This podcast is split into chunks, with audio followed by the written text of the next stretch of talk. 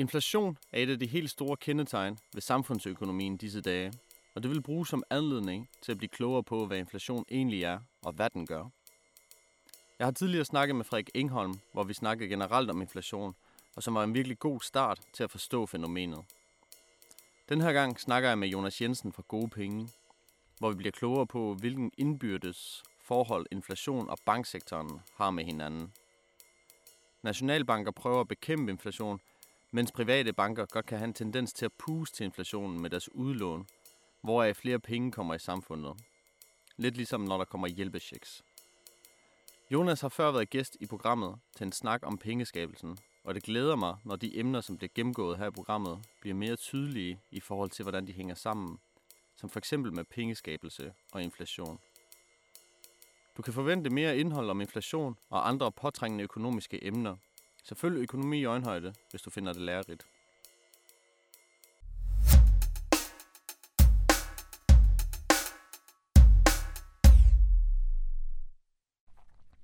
Velkommen, Jonas Jensen. Du er jo den første gæst, der kommer tilbage i studiet. Så dejligt at have dig tilbage. Tak fordi jeg måtte komme. Endelig. Sidste gang, der snakkede vi jo om øh, pengeskabelsen. Du er jo forperson for organisationen Gode Penge, der ja. øh, beskæftiger sig en del med banksektoren.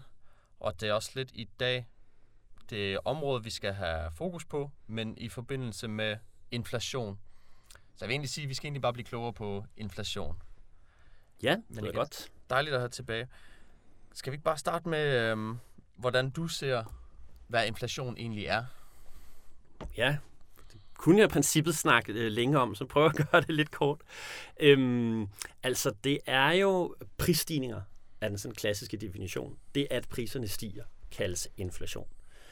Øhm, så det er jo sådan set den, den simple definition, og, og langt hen ad vejen i Danmark bruger man det, der hedder forbrugerprisindekset, der skal måle, øhm, at om priserne stiger eller falder, og hvor meget de falder, og hvad det er for nogle øh, varer og tjenester, det, priserne stiger og falder på. Så egentlig bare inflation er prisstigninger. Okay, men det er ikke priser på alting, der stiger vel? Det er sådan lidt en samlet mængde, man kigger på, og så siger man, okay, fordi der er steget så mange forskellige steder, så sker inflationen.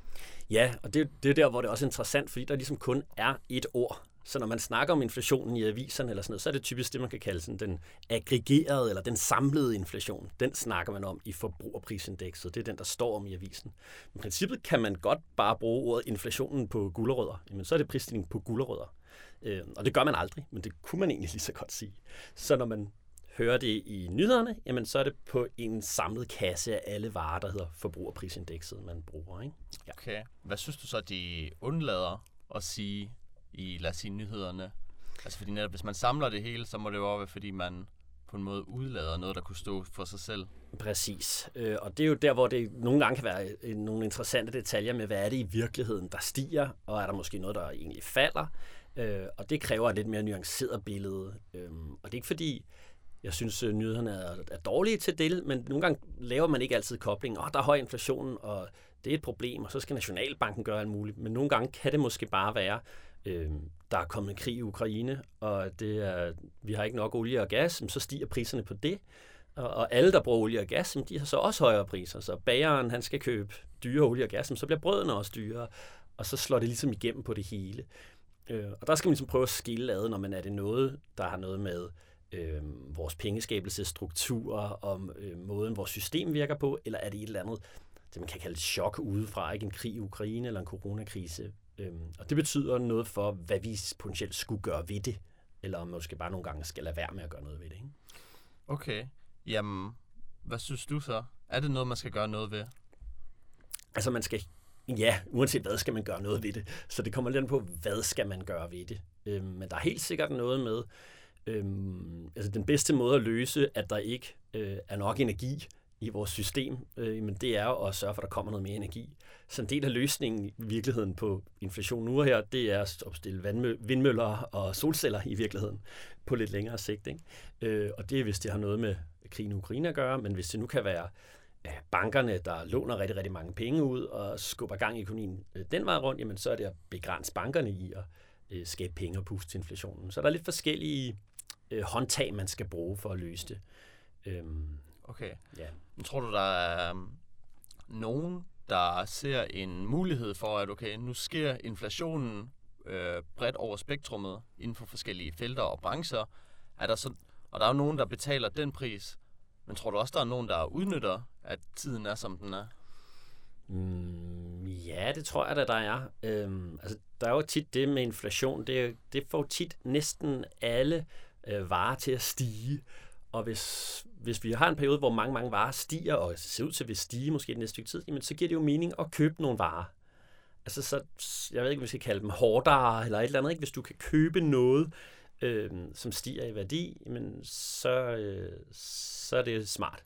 I modsætning til at have penge stående i banken, eller egentlig have investeret i noget andet. Lige nu er det måske ikke så godt at have investeret i noget, der producerer nogle varer, vi ikke skal bruge lige nu, eller der er mindre efterspørgsel på. Måske det videre bare øh, købe olien og have den liggende, eller købe noget et hus og have det stående. Eller, Øh, så der er jo nogen, der har mulighed for at, ligesom at skifte mellem, hvad det er for en type ting, de har. At de kan, de kan tjene på det.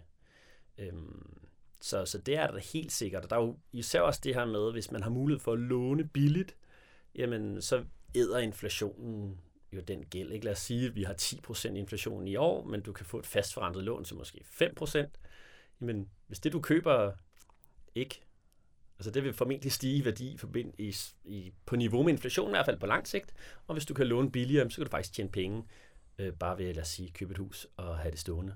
Øhm, måske lege det ud til at dække omkostningerne, og så vil det stige i værdi på lang sigt. Men er det ikke også nærmest typisk for huse og boliger, at de stiger alligevel?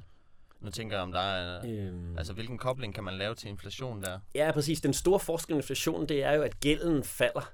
Altså det der med, når huspriserne vil stige hurtigere på grund af inflationen. Øhm, Hvorfor det? ja, simpelthen fordi vores penge bliver mindre værd. Huset bliver jo ikke mere værd, men vi kommer til at få højere lønninger. Allerede nu her har der været lønforhandlinger med stigninger på 4% og noget af den stil, de normalt laver. Jamen, så har folk jo flere penge. Så kan de give mere for deres hus. Ikke lige nu her, fordi vi er måske lidt i en krise af dødvand, men hvis vi kigger, tager de meget lange briller på, altså 10, 20, 30 års brillerne på, jamen, så vil boligpriserne stige. Øh, ikke fordi boligerne er blevet bedre, men simpelthen bare fordi vores lønninger er højere. Og alt stiger, men så stiger boligen også. Øhm, og det der jo så sker med gælden, jamen, det er jo, at den stiger jo ikke. Så hvis du har lånt, lad os sige, men bare tage et eksempel, at vi har en bolig til 5 millioner nu, jamen det kan godt være, at den koster, den koster formentlig 10 millioner om 20 år. Lad os sige det. Det er på ingen måde urealistisk. Men hvis du låner 5 millioner til det nu, så skylder du stadigvæk kun 5 millioner øh, om 20 år, hvis du bare betaler renterne. Ikke? Jamen, så har du jo tjent 5 millioner uden, øhm, ja, i forhold til den, der skal ud og købe bolig nu her. Ikke? Ja, Øhm, og, ja, og man får nemmere ved at afbetale de 5 millioner, fordi ens løn stiger. Præcis. Ikke? Ens løn er forhåbentlig, hvis vi bare siger, at hus, husene stiger ikke mere end alt muligt andet, så lønnen også steget lige så meget, men så, har, så vil din, dit lån koste det halve, altså i forhold til din løn, ikke? hvis din løn er det dobbelte. Ja, men vil det sige, at det er en god idé egentlig at foretage investeringer nu her, fordi om nogle år vil det bare være dyrere?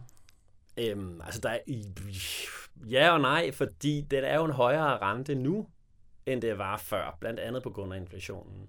Så det er jo noget med, hvordan nogle af de her, hvis nu inflationen banker ned lynhurtigt, mm, så er det måske ikke den smarteste idé, men hvis den er stabil det næste stykke tid, så kunne det være en løsning. Øhm, og det er jo også noget med, hvilke lån man har, og hvor, hvor fleksibel man er med at komme ind og ud af lånen. Ikke? Hvis man har mulighed for at betale øh, gælden af, fordi man har andre investeringer, så er det måske bedre, end hvis man er presset til at beholde gælden længe, fordi hvis man nu er en almindelig person, øhm, så har man ikke lige 4 millioner til at betale sin gæld af, hvis nu man synes, renterne er høje. Øhm, Ja, ja, jamen lad os snakke lidt om renter, fordi jeg tror også, det er det, der er mange, der sådan forbinder med inflation. Altså en ting er priserne nede øh, i dagligvarerbutikkerne, men noget andet er jo også renterne. Det var specielt det, der sådan indikerede øh, starten af inflationen, synes jeg. Altså der fulgte man meget med, hvad gør centralbankerne, altså de nationale banker og den europæiske centralbank, og hvad er det, de prøver at gøre ved at ændre på renten for at ja, håndtere inflation? Ja. Ja, det er jo på en måde øh, 1000 kroner spørgsmålet, jeg skal sige. Øhm, og det er jo lidt, det kan være meget svært, for, for, for mig, der synes jeg, at inflation består ligesom af to ting. Jamen, der er det kortsigtede her, hvor, hvor mange varer er der, og Øhm, og hvor mange penge er der nu og her til at købe de varer, øh, og hvad, hvor mange har lyst til at bruge deres penge lige nu. Det er ligesom sådan de kortsigtede, ret store udsving. Og så er der noget, noget meget længere, som er, jamen, hvor mange penge er der i økonomien, hvor mange penge bliver der skabt i økonomien, øhm, og endnu vigtigere, hvad er der blevet skabt måske de sidste 5-10 år, uden vi har tænkt over det, som ligesom hober sig op på en eller anden måde. Når der ikke længere er så mange varer at købe, så bliver det meget tydeligt, at der måske er kommet for mange penge i omløb. Øhm, så der er noget med, øh, hvordan man håndterer det der. Øhm, og, om, og hvad skal man så gøre, hvis man gerne vil prøve at hvad skal vi sige, afbøde effekten af inflationen? Øh, den har jo typisk en tendens til, at det er øh, dagligvarer, almindelige varer, der stiger i pris, og det er jo dyrt for de fattige. Øhm, så, så hvad kan man gøre? Og der er jo ligesom sådan flere, jamen, hvis man skulle påvirke det langsigtede, jamen, så skal man jo påvirke bankernes, øh, reguleringen af bankerne, hvor mange penge kan de skabe, øhm, undgå at det går for hurtigt i gode tider, øh, sådan så man ikke behøver at stramme så meget op i dårlige tider. Øhm, og det kan man gøre sådan på bankplan. Det er jo sådan noget baselregulering og Finanstilsynet og Erhvervsministeriet, der styrer hele den øh, det, vi skal kalde de digitale penge og, og det strukturelle i systemet. Og så er der Nationalbanken, som jo er den, der prøver at påvirke det kortsigtede, og som på, er sådan lidt mere, hvad skal vi kalde det, markedsbaseret. Så den, den påvirker markedet til at regere på en anden måde. Øhm, og, og national, det man jo skal huske er, at når Nationalbanken sætter en rente, så er det det, der hedder en indlånsrente. Altså man låner ikke penge i Nationalbanken. Øh, det kan lade sig gøre, men det fylder utrolig lidt og meget, meget uvigtigt i, i den her sammenhæng. Så langt hen ad vejen, så er det en indlånsrente, altså penge, man får for at have, at have dem stående i Nationalbanken. Øhm, og i lang tid har vi jo haft nulrente, men det betyder jo, at der ikke er nogen, der i udgangspunktet har lyst til at have penge stående i Nationalbanken. Sådan har det været en lang periode. Øhm, men nu er der jo sket det, når man nu stiger inflationen, og så hæver banken Nationalbanken renten, og det gør, at bankerne måske har lyst til at have penge stående til en eller anden rente. Øh, og det, der er interessant i den, det er jo, jamen, at måske har Danske Bank haft et realkreditlån, altså, hvor de ligesom får pengene, ikke? investeret i det, kan man sige, til en halv procent i rente, måske for fire år siden.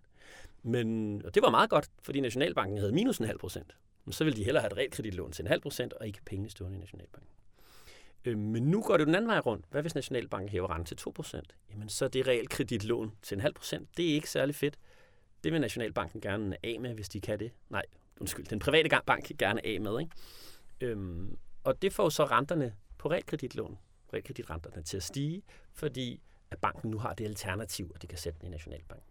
Okay, kan vi ikke lige starte med, hvorfor Nationalbanken overhovedet hæver det til 2%?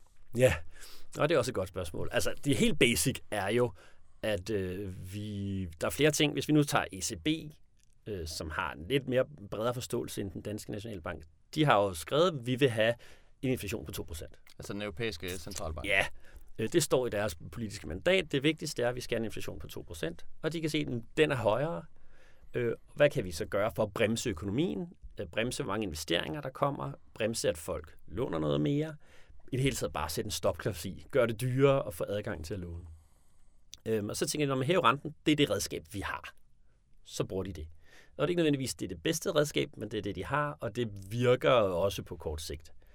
Øhm, og i princippet, så er den danske nationalbank, jamen det vi har lovet er, at vi holder fast kurs over for euroen. Øh, og det gør, at vi er nødt til at sætte cirka den samme rente som øh, i euroland, fordi ellers vil folk veksle simpelthen deres euro til danske kroner. Tænk, hvis renten på danske i danske banker var 5%, og renten i, i euroland var 0%, jamen så vil dan, alle jo veksle deres euro til danske kroner, sætte dem ind i en dansk bank og få 5% i rente. Og det vil så påvirke det her fastkurs, øh, og vi vil nødt til at smide den. Så derfor er renten stabil, eller med det samme afstand imellem de to, sådan nogenlunde. Ikke? Okay. Øhm, men egentlig er det egentlig bare fordi national, altså ECB har sagt, at det vil vi, det her. Og det er blandt andet for at have et godt langsigtet investeringsklima. Ikke? Hvis jeg nu skal investere i en fabrik, der skal stå der i 50 år, øhm, så er det rart for mig at vide, at den, hvis jeg låner nogle penge på en, med en flexrente for eksempel, at den er nogenlunde stabil. Fordi afkastet på min fabrik er måske 4%, så er det rart, jeg ved, at jeg kan låne til 3 eller et eller andet, og den holder sig der omkring længe. Fordi hvis den stiger til 6 eller 8, så er min fabrik konkurs, så det er irriterende. Ikke? Så det er simpelthen for at have et godt investeringsmiljø i virkeligheden. Stabilt investeringsmiljø. Okay, at øh, for eksempel ECB vælger at lægge en rente. Ja, og det giver også stabil arbejdsmarked og stabil arbejds, mere stabil arbejdsløshed forhold. Sådan, prøver at stabilisere det hele, så der ikke er så store udsving. Det er egentlig bare det. Okay, men hvordan, for jeg kan godt se en fidus i, at okay, så ændrer Nationalbanken i Danmark, og de følger jo lidt den europæiske centralbank. Så stiger renten lidt, og så private banker, de har et mindre incitament til at lave udlån og investeringer, så der ikke kommer for mange penge ud i samfundet, fordi det vil puste mere til inflationen. Er det korrekt? Det er i hvert fald det, der er Nationalbankens tanke. Øhm, og det, det var måske det næste, jeg vil sige. Det har en ret stor effekt på for eksempel realkreditmarkedet. Fordi dem, der låner ud til realkredit, det er langt hen ad vejen investorer, øhm, som har nogle penge, og som derfor bliver påvirket af inflationen. Øhm, og, og derfor forholder sig til renten, som i, jamen, der er jo en eller anden rente, og hvis jeg skal investere noget andet, har det også en rente, og mine penge, de ligesom er i det her realkredit, indtil jeg får dem ud igen. Øhm, og de penge, jeg får tilbage, bliver jo så mindre værd, når der er inflation. Derfor vil jeg have en højere rente, når jeg låner den ud. Øhm, og det vil også med til at få renten til at stige, når inflationen stiger. Fordi investorerne simpelthen vil have et højere afkast, fordi deres penge bliver mindre værd. Ikke? Øhm, og sådan er det ikke for banken, fordi den jo netop skaber de penge, den låner ud. Det vil sige, hvis jeg har 100 kroner, og jeg låner dem ud til dig, Frederik, og der er 10% i inflation, jamen så vil jeg godt have 110 kroner tilbage om et år, fordi det skal jeg have for at købe den samme ting om et år. Ikke? Så ikke engang tjent noget, så kan jeg bare købe den samme burger nede på Halifax Burger, eller hvad det nu er, for den er 10% dyrere næste år. Men hvis jeg er en bank, og jeg har skabt de 100 kroner til dig, Frederik, og du så giver mig 110 kroner tilbage næste år, men de 100, dem sletter jeg igen når man betaler øh, afdrag på sit lån, forsvinder pengene, og så står banken jo tilbage med 10 kroner. Øhm, og de er jo, ja, måske det samme værd som 9 kroner sidste år, men det er stadigvæk nogle penge, de ikke havde før, ikke? Så, så de er stadigvæk blevet rigere. Øhm, og det gør, at der ligesom kan komme et større spænd imellem banklån og realkreditlån. Altså bankerne simpelthen kan bedre lade være med at hæve renterne, end realkredit kan. Øh, og det er også noget, man kan se for eksempel på forskellen mellem andelsboliglån, som typisk er et banklån, og et realkreditlån. Altså hvis man kigger måske fem år tilbage, så kostede et øh, realkreditlån 0 kroner, og et andelsboliglån 3, altså 0 procent, og et andelsboliglån 3-4 procent. Og nu kan man få andelsboliglån til måske 6-7 procent, men et realkreditlån koster altså 5. Så de er faktisk kommet tættere på hinanden. Så banklånet er blevet mere konkurrencedygtigt på grund af inflationen. Øhm. Okay. Stadigvæk højere renter end tidligere, ikke? Så stadigvæk bliver der givet færre lån, og det er jo noget, det Nationalbanken gerne vil have. Øhm. Men hvordan kan man så sige, at banker påvirkes af inflation? Fordi de har jo den samme mekanisme eller det samme værktøj. De kan skabe penge via udlån, de skaber gæld, men som du også siger, øhm, det er jo ikke fordi, det koster dem noget andet, end hvis de skulle øh, lide tab. Men hvordan påvirkes banker så af inflation? Ja.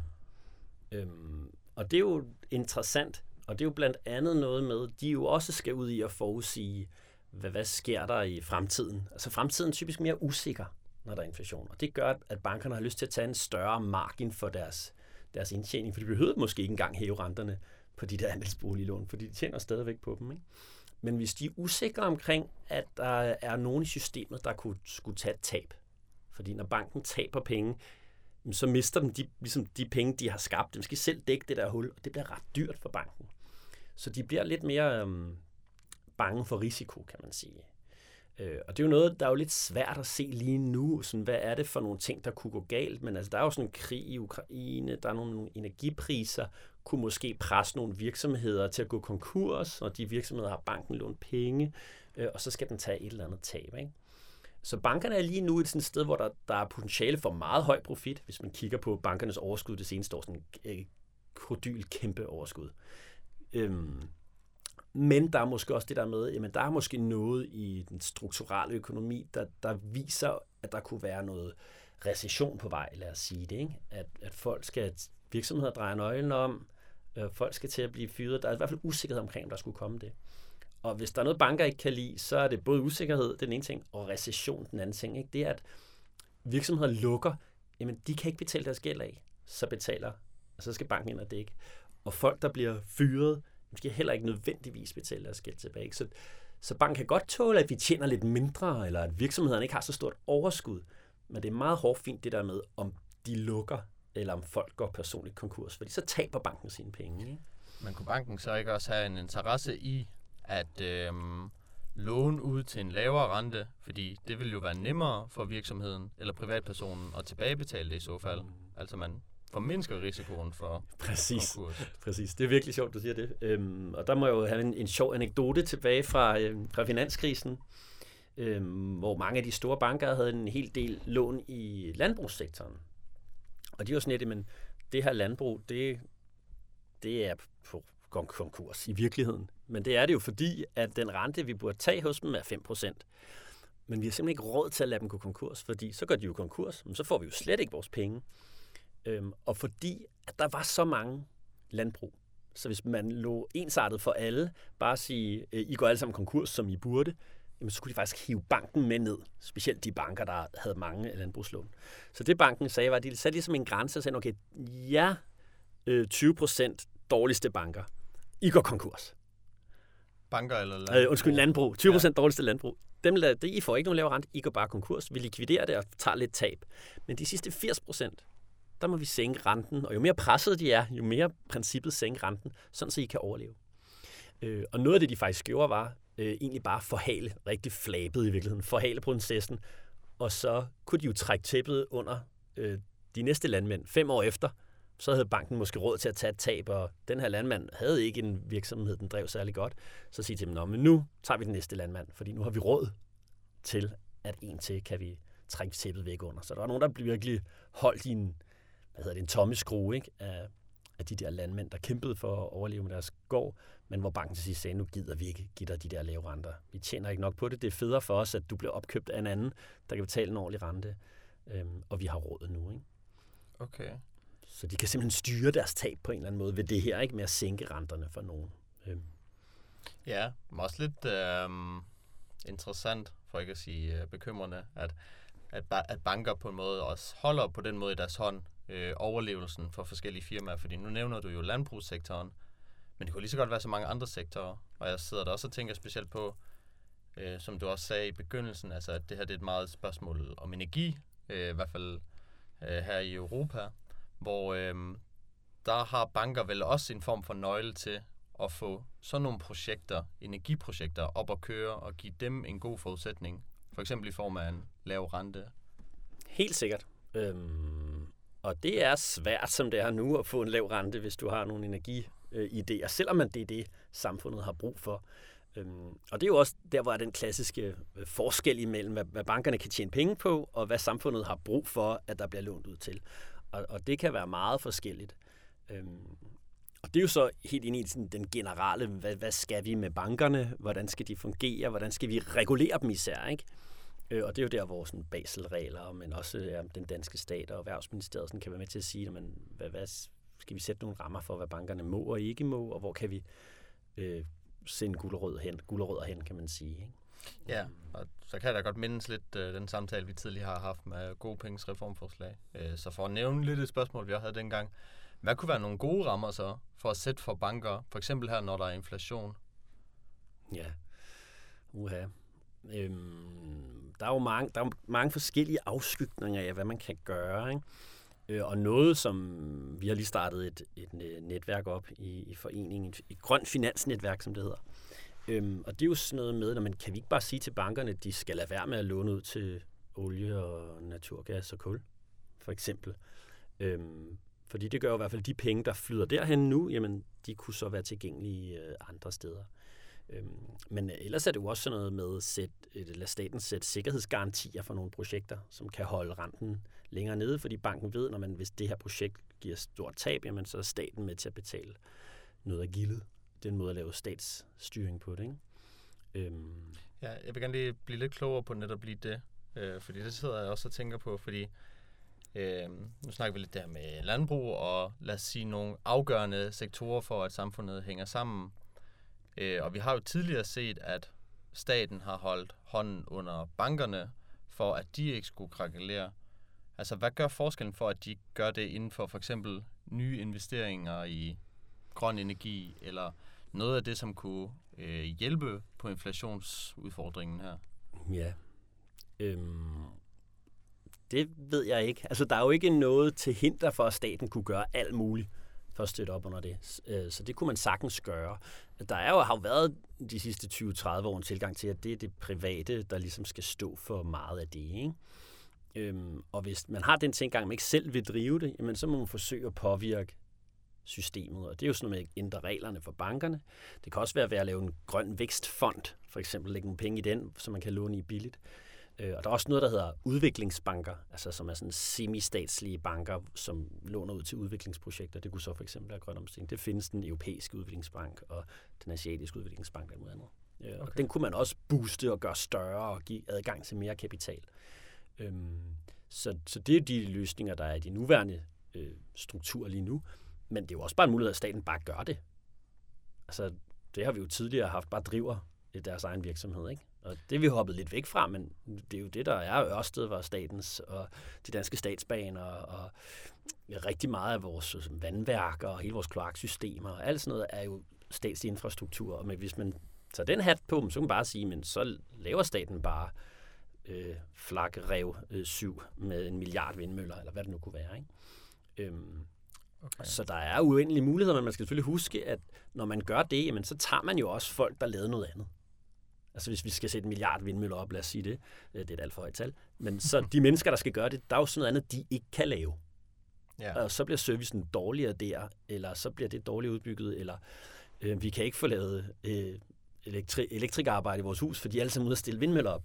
Øhm, så der er jo nogle balancer i det, som også gør, hvor hurtigt kan man rykke på ting. For der er også nogle helt basale ressourcer, som en viden og øh, jern nok, eller altså sådan nogle helt basic ting, som begrænser tempoet i hvert fald. Ikke?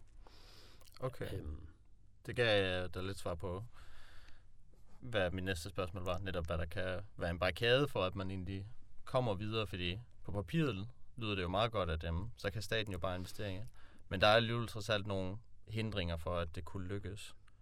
Okay. Lad os øh, hoppe lidt tilbage til banker igen, øhm, og måske har lige fået opsamlet det her med, altså, hvordan banker egentlig påvirkes af inflation. Øhm, hvis vi vender den rundt, hvad gør banker, som påvirker inflationen?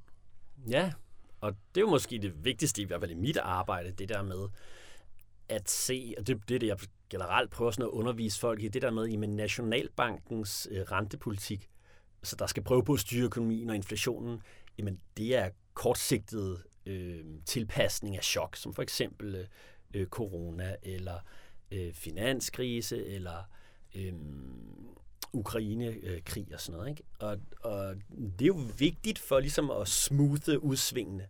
Men det, der ligesom skaber de store udsving, og skaber inflationen generelt, jamen det er bankregulering for at sige det sådan helt basic. Altså, hvor, hvor mange penge kan en bank få lov til at skabe? Hvor hurtigt kan den skabe det? Hvor svært er det for den at skabe dem? Øh, og hvilke regler og rammer sætter vi ned over øh, sådan en bank? Øh, og det, der jo er med sådan noget inflation, det er, at der er en enormt lang, hvad skal vi kalde det, inkubationstid hedder det, når man bliver syg, ikke? At man bliver smittet, og så har man det fint i otte dage, og så bliver man syg. Og det samme er der med pengeskabelse. Man kan skabe rigtig mange penge i mange år, uden man ligesom, uden de ligesom kommer op til overfladen. Øhm, og sådan noget, for eksempel opbygning op til finanskrisen, jamen, den vil jeg sige startede i, det ved ikke, 99, og finanskrisen er fra 2007, altså 8-10 år er ekstra mange penge, der er skabt. Øhm, og det er simpelthen det der med, at banken kan skabe de penge, den låner ud. Så hvis der er villige nok øh, virksomheder og mennesker i landet til at låne pengene, jamen, så bliver der bare skabt penge. Og banken, det er ikke interessant for banken, hvor mange penge der er. Øh, det er interessant for dem, om den enkelte långiver, låntager kan betale pengene tilbage. Og det kan de jo i gode tider. Øh, så der kommer sådan en selvforstærkende flow. Nå, det går jo godt. Ja, det gør det, fordi vi kan låne mange penge. Øh, og det gør så banken. Nå, det går jo godt. Så kan vi jo låne flere ud. Nå, men så går det jo godt. Så kan vi låne noget mere. Og så bliver det sådan en, en snebold, der løber løbskagtig, ikke? Men hvorfor skulle det nødvendigvis være en... Øh dårlig ting, fordi nu tænker jeg lidt, øh, okay, priserne på varerne stiger, de er blevet dyre, så det, at der kommer flere penge ud i samfundet, det kunne jeg godt se som en modvægt til netop, at priserne stiger. Så hvorfor er det en dårlig ting?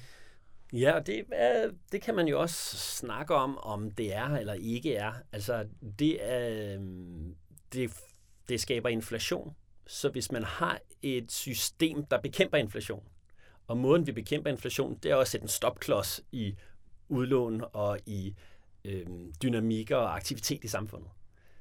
Jamen, det er jo en dårlig ting i sig selv. Så hvis vi lader bankerne skabe inflation, og vi så sætter en stopklods i, jamen, så er inflationen jo dårlig. Øh, og alternativet er jo at lade inflationen køre løs, og så er det, at vi får det der et slags dårligt investeringsklima. Ikke? Det er svært at vide, hvad det er værd i fremtiden, fordi der er ikke kontrol på inflationen. Den, den får bare lov at løbe løbsk på en ja, eller anden måde. Ikke? priserne hopper og springer. Ja, både og både. Ja, nemlig hopper og springer i virkeligheden ikke op og ned og til siden, og at der ikke er noget sådan øh, system i det. Så det vil jeg sige, at det er dårlig inflation, men altså, det, det jeg prøver at sige i min undervisning tit er, jamen inflation er rigtig dårlig, hvis den er uforudset. Altså hvis vi tilpasser hele vores økonomi til, om nu bliver inflationen 5%, men hvis vi så stille og roligt tilpasser til det, ikke nødvendigvis noget problem. Vi, specielt ikke, hvis den så bliver 5%. Øhm, og det samme i princippet den anden vej rundt, men hvis vi hele tiden vendede os til at have deflation, altså pengene blev mere værd, og det var stabilt, men så vil det også være okay. Så det vigtige er, at den er stabil. Ikke? Men hvordan er det så, man øh, tilpasser sig? Altså lad os sige inflation. Jamen det er jo noget med, jamen, hvor meget, øh, så må renterne være det højere, men så kan jeg låne noget mindre, og så tilpasser priserne sig til det. Øhm, apropos, altså man kan jo nemt se det med boligpriserne, men nu stiger boligrenterne, men så falder priserne, jamen, så bliver det i princippet hverken dyrere eller billigere for mig at bo i mit hus. Jeg betaler bare nogle højere renter på et lavere beløb, øh, og så, så går det ligesom op på en eller anden måde. Men hvis det hele tiden bobler op og ned, eller hopper op og ned, så er der nogle tabere og nogle vindere og nogle kriser og nogle banker, der kan tage noget tab. Øhm, og så øhm, går det ligesom skævt. Så, så det vil jeg sige var mit hoved hovedargument for det. Ikke? Men, okay. Hvem får, øh, er, det, er det tilfældigt, hvem der så får en fordel af den her inflation? Altså fordi nu er vi vel lidt i en periode, hvor det hopper og springer lidt. Det er ikke så stabilt. Øhm, så der må være nogen, der får en fordel af inflation. Er det tilfældigt, eller er der noget, der kan indikere, at visse ja, grupper præcis. Ja, drager fordel? Altså det korte svar er jo de rige. Øh, for når der er, lad os sige, fald på boligmarkedet eller et eller andet ting, jamen dem, der har penge, de kan jo så købe op, når der er faldet. Øh, men dem, der ikke har nogen penge, de kan jo ikke købe, når der er faldet, for de har ikke nogen penge. Øh, så er den ene side af det. Og så er der jo hele dem der, der nyder hvad skal vi sige, nyder godt af bankernes renter. Altså lad os sige, at jeg låner hen i banken. Realkreditlån er måske 5%, men der kunne være mange forskellige andre slags lån. Hvis bare jeg kan låne i banken til 5%, men det jeg køber bliver 10% mere værd, fordi inflationen er 10%. Lad for, lad os forudsætte, det fortsætter sådan, og det siger jeg overhovedet ikke, det gør, det forventer jeg ikke, det gør. Jeg forventer, det falder igen. Øhm, så dem, der har mulighed for at låne, fordi banken jo ikke betaler den inflation, så er den villig til at give et lån, der er lavere end inflationen. Og du, altså, du kan nemt få et lån nu, der er lavere end inflationen. Men det kan du jo kun, hvis du har adgang til at låne. Og der skal du være enten rig, øhm, eller have en god indkomst. Og det er også det der med, det er jo ikke nok adgang til at låne, du skal også have adgang til at låne billigt. Det vil sige, at du skal købe et hus for det, eller have et hus, du kan tage lånet i, øhm, sådan så din, din rente kan blive lavere end inflationen. Ikke? Så du får både muligheden for at købe et eller andet, der kan, lad os sige et hus, som har en værdi for dig, fordi du kan bo i det, men samtidig vil den formentlig øh, stige mere end inflationen. Nej, mere end din rente selvfølgelig, fordi inflationen er højere end din rente. Ikke? Så der er helt sikkert en ulighedsdriver i det her. Altså hver gang inflation og rente stiger og falder, men så er det de rigeste, der har mulighed for at, øh, jeg vil ikke sige udnytte det, men i hvert fald øh, forberede sig på det og øh, navigere, ja, navigere på en eller anden måde, så det ikke rammer dem så hårdt. Ikke? Øhm, og så når det går godt igen, får de stadigvæk en, en høj, et højt afkast. Ikke? Øhm. Ja, så det er egentlig bare for en periode med dagligvarer, at ting er lidt dyre, men hvis man administrerer sin økonomi fornuftigt, så kan man egentlig bare netop, øh, som vi også snakkede lidt om, investere, fordi det på en måde er et godt tidspunkt at investere, hvis du har pengene. Ja, helt sikkert. Okay. Eller adgang til at låne dem forholdsvis billigt stadigvæk. Ikke? Mm. Okay. Hvor, hvilke metoder har man så til at dæmre lidt på inflationen, så alle egentlig kan være lidt bedre med igen? Ja, og det var jo, det, det er jo også lidt det der med den kortsigtede og den langsigtede, ikke? fordi altså, Nationalbanken kan jo påvirke sin rente, som er en indlånsrente, og derfor er det heldigvis lige her med inflation, det den bedst virker på Nationalbankens rente, det er faktisk, når den bliver hævet. Fordi så kan det lokke bankerne til gerne at vil have penge stående i Nationalbanken. Og så vil de ikke lige så gerne øh, have realkreditobligationer for eksempel, så stiger renten på realkreditobligationer, og så får folk lyst til at investere mindre, og det afdæmper ligesom økonomien. Folk bruger færre penge, hvis lånene er dyrere, øh, og så kan det bremse inflationen. Så, så på vej, hvis der er høj inflation, så kan man bruge det som nationalbank, og det virker øh, sådan nogenlunde på kort sigt, specielt i sådan noget som realkreditrenterne. Der ser man tydelige øh, skift sammen med nationalbanksrenten. Øh, og det er trods alt der, det meste af gælden er. Så der, der har den e- effekt. Øhm, og, og det er jo så, hvis man skal gøre noget på kort sigt. Hvis man skal gøre noget på længere sigt, jamen så er det simpelthen i at regulere bankerne og sige, at I skal have højere egenkapital for at kunne give nogle lån, eller I skal risikovurdere anderledes. Øh, nu lad os sige, øh, lige nu har boliglån ekstremt lav risikovægt, som det hedder. Men den kunne vi skrue lidt på. Eller vi kunne sænke, øh, hvis nu har de her grønne noget med energi, og vi vil løse det problem, jamen, så kunne vi sænke kapitalkravet for grønne investeringer, hæve det for sorte investeringer og sådan noget. Øhm, ja, så der er ligesom den kortsigtede og den langsigtede igen, hvor Nationalbanken primært er på den kortsigtede, og den generelle regulering er mere på det langsigtede. Når det kommer til inflation på lang sigt, hvilken forskel er der så på, hvad private banker gør, og hvad Nationalbanken gør? Yes. Øhm, jamen for først vil jeg sige, at der er selvfølgelig sket en ret stor udvikling fra for 100 år siden. Men der var måske tæt på halvdelen af pengene var skabt af Nationalbanken. Og nu er vi nede på sådan noget 4,7 procent eller et eller andet. Ja, det er de fysiske penge. Det er de fysiske penge. Ikke? Øhm, så, så det man kan sige er, at hvis vi, hvis vi siger, at de sidste 120 år cirka, jamen der er pengemængden gået fra 1 milliard i Danmark, og nu er den så på de der 1600-1700 milliarder, altså næsten 20 gange så mange penge. Og de penge, altså langt de fleste af dem, øhm, jamen over 95 procent af dem, er jo skabt i de private banker. Så når de private banker skaber de penge, jamen, så er det jo ligesom dem, der bestemmer udvik- den generelle udvikling af inflationen. Altså vi kan jo ligesom tegne en lille graf og sige, at her er pengemængden i 1900, den var 1 milliard, og så kan vi tegne vores slutpunkt på 1600 milliarder, og så tegne en streg derimellem. Jamen, så får vi, når inflationen den er, jeg har ikke regnet ud, lad os sige 7% i snit. Og det er jo så det, som bankregulering og bankernes pengeskabelse, den del af inflationen, de styrer, minus de sidste 5%, som jo er Nationalbankens skabte penge.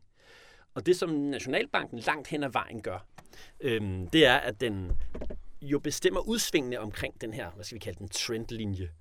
Så hvor stabil vores inflation er. Ikke nødvendigvis størrelsen på den, men hvor stabil den er.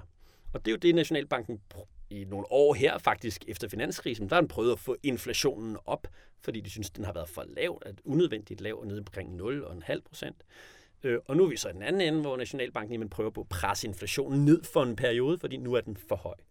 Øh, men på lang sigt, der kan Nationalbanken altså kun rykke den, jamen lad os sige, hvad der svarer til de penge, den skaber, altså 5% af, af den totale udsving, kan Nationalbanken gøre noget ved, og 95% det er altså de private banker, der styrer, hvor mange penge, der bliver skabt i alt, og den totale inflation på lang sigt. Okay. Men vil det så også sige, at hvis private banker ikke skabte nye penge, så ville inflationen heller ikke nå op på det, øh, den mængde, den er. Øh, nu siger du for eksempel, okay, vi er gået fra 1 milliard til 1.400 milliarder. Og det, vi er kommet op på så mange penge, fordi private banker har skabt de her udlån. Og det har så påvirkning på inflationen, fordi ligesom med eksemplet med øh, håndværkerne og din garage og udstue, der kommer flere penge i samfundet ved udlån, og det skaber inflation, fordi folk har flere penge mellem hænderne, og har nemmere ved at købe, og derfor sker inflation. Ting bliver dyrere. Ja, så simpelt er det på lang sigt. På lang sigt? Ja. Okay. Og så er det Nationalbanken, de kan gå ind og regulere lidt fra år til år. Hvor dyrt skal det være at låne? Øhm, og så har det vel også en lille påvirkning på, hvor meget bank... Ah, det er måske ikke så meget Nationalbanken. At øh, det var mere... Nu tænker jeg mere, at, at, at Nationalbanken kunne styre, hvor meget private banker udlåner. Men det var jo mere i forhold til sådan noget med risiko, der styrede, hvor meget de egentlig udlåner. Ja, præcis. Og det er det, der er min pointe, er, at det, det, ikke fordi det ingen betydning har, men det har en lille betydning. Øhm, og det er ikke det, der er driveren på lang sigt. Helt sikkert. Okay, hvad vil man så sige, at driveren? Men det er bankernes pengeskabelse. Altså det, at banken kan tjene penge på at skabe penge. Så driveren er, at en bank kan tjene penge på at låne penge ud, øh, som den har skabt, både bankens ejere, men også dem, der låner penge, at fordi banken er der, kan de låne billigere. Det giver dem lyst til at låne penge. Og i hele det ligesom match, der er mellem mig og banken, jeg låner nogle penge, jeg er glad for mit lån, banken er glad for at give mig lånet, og biproduktet er ligesom pengene. Mm. Altså banken er ligeglad med, at den har skabt penge. Jeg er også ligeglad med, om pengene er blevet skabt, bare jeg ligesom har fået dem. Ikke? Så biproduktet bliver pengene. Så det er ligesom et biprodukt af, at der kan tjenes penge, og at øh, jeg har lyst til at låne. Øhm, ja. ja, en konsekvens af det er jo så, at okay, men du har fået en million i penge. Det er godt for dig.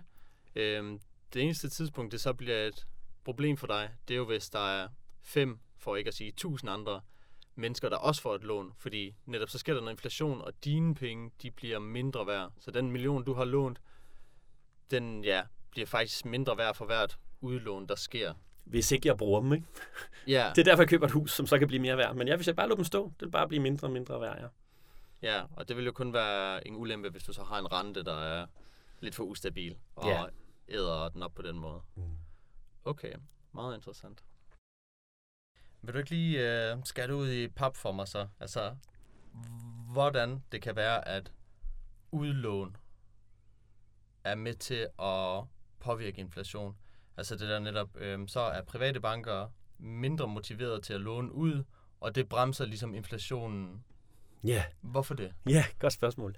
Uh, det er jo, lad os, lad os kalde det normal situationen her, ikke? Lad os starte med den. Uh, og der skaber bankerne sådan, det ved jeg ikke, 5-10 procent flere penge hver eneste år. Uh, ret mange milliarder. Uh, det er jo så sådan noget 100 milliarder om året, der bliver skabt i bankerne, fordi vi låner dem. Ja. Øh, danskerne og danske virksomheder og sådan noget låner dem i banken. Øh, og når vi gør det, så er det fordi, vi gerne vil købe noget for dem. Så hvis jeg låner dem til at købe noget for dem, det kunne være øh, en udstue i mit hus, jamen det er klart, så skal jeg jo, hvis jeg gerne vil købe udstuen, jamen så betaler jeg jo håndværkerne. De får så en løn, jamen den kan de så købe varer for. Og alle de betalinger rundt gør, at vi alle sammen har flere penge til at købe noget for. Øhm, og det er jo egentlig det, der er inflation. Det er, at, der, at vi køber noget. Ikke? Øhm, og at det, ikke at vi køber noget, at vi køber mere. Øh, og hvis vi køber mere, så stiger priserne. Specielt hvis ikke også der bliver skabt flere varer. Ikke? Så det er normal situationen. Øhm, men så kan der jo være nogle gode år, hvis man nu pludselig tillader flekslån eller et eller andet, jamen så er renterne lidt lavere, når man så vil jeg gerne låne flere penge, og ikke kun købe til en udstue, men også en garage, og så er der pludselig mangel på håndværkere, og så vil de have endnu mere i løn, fordi de kan ikke nå at lave det hele. Så stiger priserne endnu mere. Øh, egentlig bare fordi der er flere penge, som gerne vil bruges. Øhm, fordi penge, som vil bruges noget andet er, hvis jeg lånte sindssygt mange penge, og havde bare havde dem stående på min konto, så vil jeg jo ikke påvirke noget. Fordi det er det, at jeg gerne vil ud og bruge dem til at købe nogle varer og tjenester, for det er jo prisen på dem, vi måler. Ikke? Øhm, så det vil være det, der skete. Og det er jo så det, man vil, hvis nu jeg ikke låner nogen penge, jamen så køber jeg jo ikke nogen håndværker. Men så tjener han ikke nogen løn. Øh, så kan han ikke købe noget nede i butikkerne, og måske endda kan han, betaler han ikke noget skat. Øh, så har staten heller ikke nogen penge. Øh, så har den ikke råd til at betale hans dagpenge, øh, men der er flere og flere på dagpenge, og så får staten underskud, og så strammer den op. Øh, og så bliver det sådan en snibboldeffekt. Øh, og, og det er en snibboldeffekt, bare bankerne stopper med at skabe penge. Okay. Øhm, for det, det er systemet simpelthen givet til, at der ikke bliver skabt flere og flere penge. Ikke? Okay, så systemet er bygget til, at der skal komme lidt Ja, det skal der, ellers så er det en krisesituation. Ikke? Og det er vel også derfor, man går efter de der 2% inflation? Det er en af grundene, ja. En af grundene, ja. ja. Men betyder det så også, at øh, hvis vi skal stoppe, det lyder så meget sagt, men hvis inflationen den skal dæmme lidt ned, det kan kun ske ved, at vi faktisk bruger færre penge, og priserne derfor stabiliserer sig lidt mere. Ja. Er det rigtigt nok antaget? Ja, det okay. er det. Og, og det, der jo så er lidt skørt nu her, det er jo, at, at øh, en af grundene til, at vi fået inflation nu, det er faktisk ikke nødvendigvis, fordi vi bruger flere penge. Det er lige så meget, fordi der ikke er så mange varer. Fordi de ligger i en eller anden container i Singapore på grund af corona. Stadigvæk nogle steder. Det er den ene ting. Og den anden ting er, at der er ikke lige så meget gas og olie i rørledningerne fra Rusland. Så der er simpelthen kommet færre varer. Og det er det, som det chok, der er lige nu her. Ikke? At selvom vi bruger de samme penge, som vi plejer, kan vi ikke få lige så mange varer for dem. Øhm. Fordi alting er blevet dyrere. Ja, ja Eller præcis. sidder fast. Ja, og, og det er jo der, hvor man som Nationalbank måske skal holde lidt igen, fordi eller ikke Nationalbank, det er der, man måske med bankreguleringen princippet skulle holde igen. Fordi det er ikke fordi, at vi har ændret bankreguleringen, men det er fordi, der er kommet et stød til økonomien. Ikke? Så man ligesom skal, når måske kunne det her gå i sig selv. Altså hvis krigen i Ukraine forsvandt i morgen, og der ikke kom flere coronakriser, jamen så kunne det godt stabilisere sig lidt igen, ikke? uden vi gjorde noget. Men øh, ja, ville det så ske ved netop, fordi øh, det kan jo på en måde godt lyde sådan lidt øh, counter logic, at okay, så stopper krigen, og så stopper corona, og så er det bare fredstid, og alt er godt. Det er jo ikke noget, der lægger op til, at folk de skulle spare på deres penge af den grund. Nej. Så hvad er det så, der stabiliserer systemet? Ja. Fordi det er jo ikke folks private adfærd, der gør det. Præcis, og det er jo det, der ligesom går imod hele det her, øh, hvis vi skal lave øh, degrowth, og vi ikke skal smadre jordkloden. Fordi så er det, der stabiliserer, det er faktisk, at vi skaber flere varer og modtager flere varer. Hvis vi har flere penge, men også flere varer og tjenester, jamen så er prisen den samme. Øhm, og det er jo dårligt for jordkloden og klimaet og sådan noget, hvis vi laver flere og flere varer og flere og flere penge. Øh, det øger vores ressourceforbrug, men det stabiliserer det finansielle system. Ikke?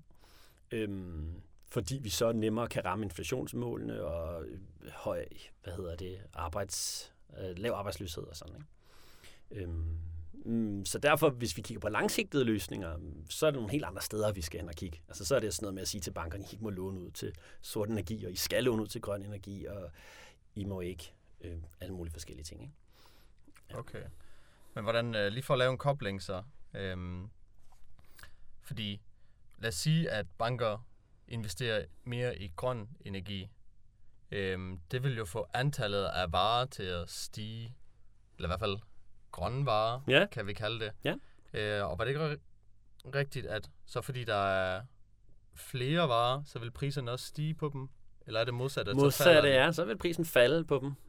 Okay. Hvis ikke vi skabte nogen penge, som ja. vi typisk gør. Ja, ja vil jeg mærke. Okay. Okay. Hvad synes du så er det bedste, øh, der kunne gøres lige nu, i den situation, vi er i? Hmm. Jeg vil ønske, der var et nemt svar på det. Altså, jeg tror i hvert fald, no- noget af det, jeg tænker, er at holde lidt igen med alle mulige tiltag. Fordi meget af det skyldes øh, krig i Ukraine og, øhm, og coronakrise stadigvæk. Og det er jo især på de her kortsigtede tiltag.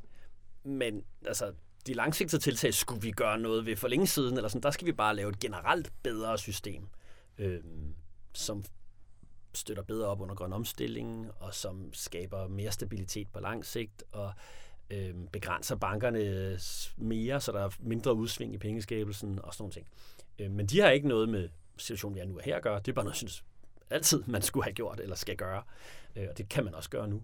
Ja, øhm, så på en måde ligger der en fejl i systemet, der gør, at kriser har nemmere ved at opstå.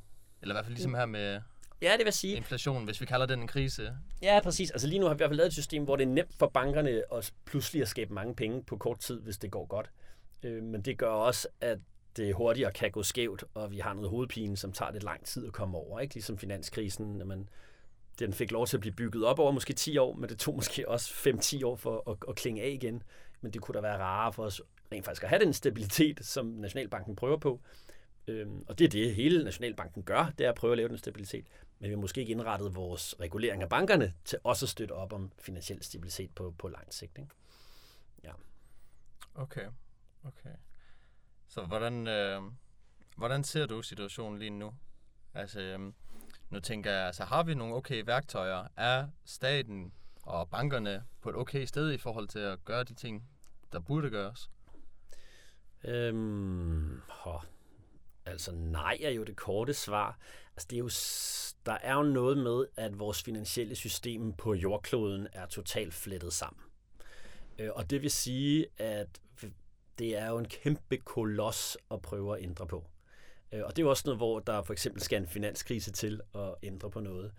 Men faktisk har den brug for at blive ændret lidt løbende, eller sådan, vi ændrer hele tiden tilgang til, hvad der er det vigtige, ikke? Hvor der var sindssygt meget fokus på finansiel stabilitet efter finanskrisen. Øhm, og det var jo godt, for det var det, der var ligesom problemet, man så prøvede at løse. Men langt hen ad vejen, og det problem, vi har nu, er et finansielt system, der er med til at smadre jordkloden. Øh, og jeg kan godt leve med, at vi ikke har finansiel stabilitet, hvis nu vi redder jordkloden. Øhm, hvor tidligere tænkte man, når man finansiel stabilitet er det vigtigste, så bliver alt godt, så bliver det stabilt, så kommer der ingen krise og sådan noget men der var vi jo godt i gang med at smadre jordkloden. Så hvis vi skal redde den, men så kan det være, at vi må, så må vi lave nogle tiltag, der måske sænker den finansielle stabilitet lidt, mod at vi til gengæld til gode ser det grønne og rammer det sorte og sådan noget. Ikke? Øh, men det er, altså hvem er det, der laver de regler? Det er på aller, aller, aller højeste niveau, og det er, det er svært at, at ændre på. Det betyder ikke, at vi ikke skal gøre det. Vi skal gøre alt, hvad vi kan for at gøre noget ved det. Øh, men, men det er svært at ændre på baselreguleringen, og det er svært at ændre bare på, hvordan øh, Danmark implementerer den, fordi vi har noget fast valutakurs over for euroen, så der er også en masse spændetrøjer der. Øhm, men altså, det er jo noget af det, vi prøver på i gode penge, så, så mange steder som muligt, at sige, hey, der er faktisk plads til forbedringer på, over en bred kamp. Øh, og der er mange øh, små løsninger, og der er også øh, store løsninger, og der er også store snakke og små snakke, og øhm, det, er, det er en eller andet form for kludetæppe, fordi det er svært at ligesom, skære hovedet af slangen, fordi der, der er ikke noget hoved, eller det er ligesom det mudret det hele. Ikke? Ja. ja. Hvad hvis, øhm, hvis vi så lige tager en afslutning på det her. Hvad vil være en god konsekvens, eller læring, eller forbedrelse, der kunne komme efter den her periode med ustabil inflation? Hvad kunne gøre systemet bedre bagefter, hvis, hvis vi tager noget med? Oh, yeah. Det gode er jo, at det er vi faktisk tit gode til, os mennesker. At tage noget med videre, når noget ligesom er gået skævt. Hvad var det, der gik skævt? Hvad kan vi gøre bedre? Øhm, og det, der jo så desværre tit sker, at, at man så har fokus på det, der lige har sket, og man så misser noget andet. Øh, apropos at lave en reform nu, der er bedre til gode til det grønne, men glemmer noget finansiel stabilitet, som vi også skal prøve at huske. Ikke?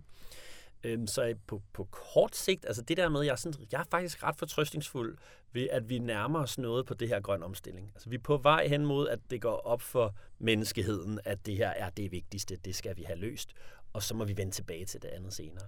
Øh, men det vil være godt at huske det vigtigste, at det gamle, altså finansiel stabilitet og øh, lighed og hvad det nu kan være, ikke? Øh, biodiversitet og alle nogle ting, man kunne se over. Øh,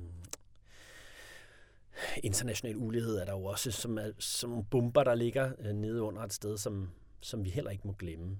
Øh, og det kan inflationen hjælpe os med at huske, eller hvad? Ja, det, inflationen skal i hvert fald nok den får os i hvert fald til at huske det der med, der er ikke det der med lav inflation, det, det kommer et sted fra, og at Nationalbanken er ikke den eneste til at sikre det, og at vi er nødt til at kigge på en større ramme, som er de finansielle system, for at kunne, øh, kunne sikre en lav inflation. Øhm, men samtidig også fortrøstningsfuld med, at mange af de ting, vi har lavet siden, jamen helt tilbage fra 70'erne, øhm, er designet til, at når ja, det her er også et udsving, og vi kommer der tilbage i noget nogenlunde normalt, og vi skal huske, 0% i rente var ikke normalt. Så allerede nu, hvor den er 4-5%, det er fint nok. Det er, ikke nødvendigt, det er ikke nødvendigt for os at komme ned på 2% i rente. Øhm, og hvis inflationen kommer ned på 2-3%, så skal renten nok også falde ned til whatever, 2% igen. Og så, så ja, der, der er helt sikkert nogle af de der ulighed. Altså, hvem er det, det går ondt på? Og og også nogle gange det der med, når vi bremser op, at vi kan bremse for hårdt. Altså rammen, vi skal bare, altså det med at blive eneret, inflationen skal bare ned, whatever the cost. Og der er sådan et, nej, inflationen skal ned, men ikke whatever the cost. Den skal ned samtidig med, at vi når de her politiske mål om grøn omstilling og lighed og alle de andre gode ting, dem skal vi også holde fast i. Øhm, og det er ikke, fordi vi ikke skal gøre noget inflation, det skal vi helt sikkert, men vi skal holde det for øje. Ikke? Og ikke ligesom Altså, det kan være en tendens til ligesom at bare lade være med at gøre noget ved det andet. Altså så bare skide hul i, at uligheden stiger, fordi vi redder jo inflationen.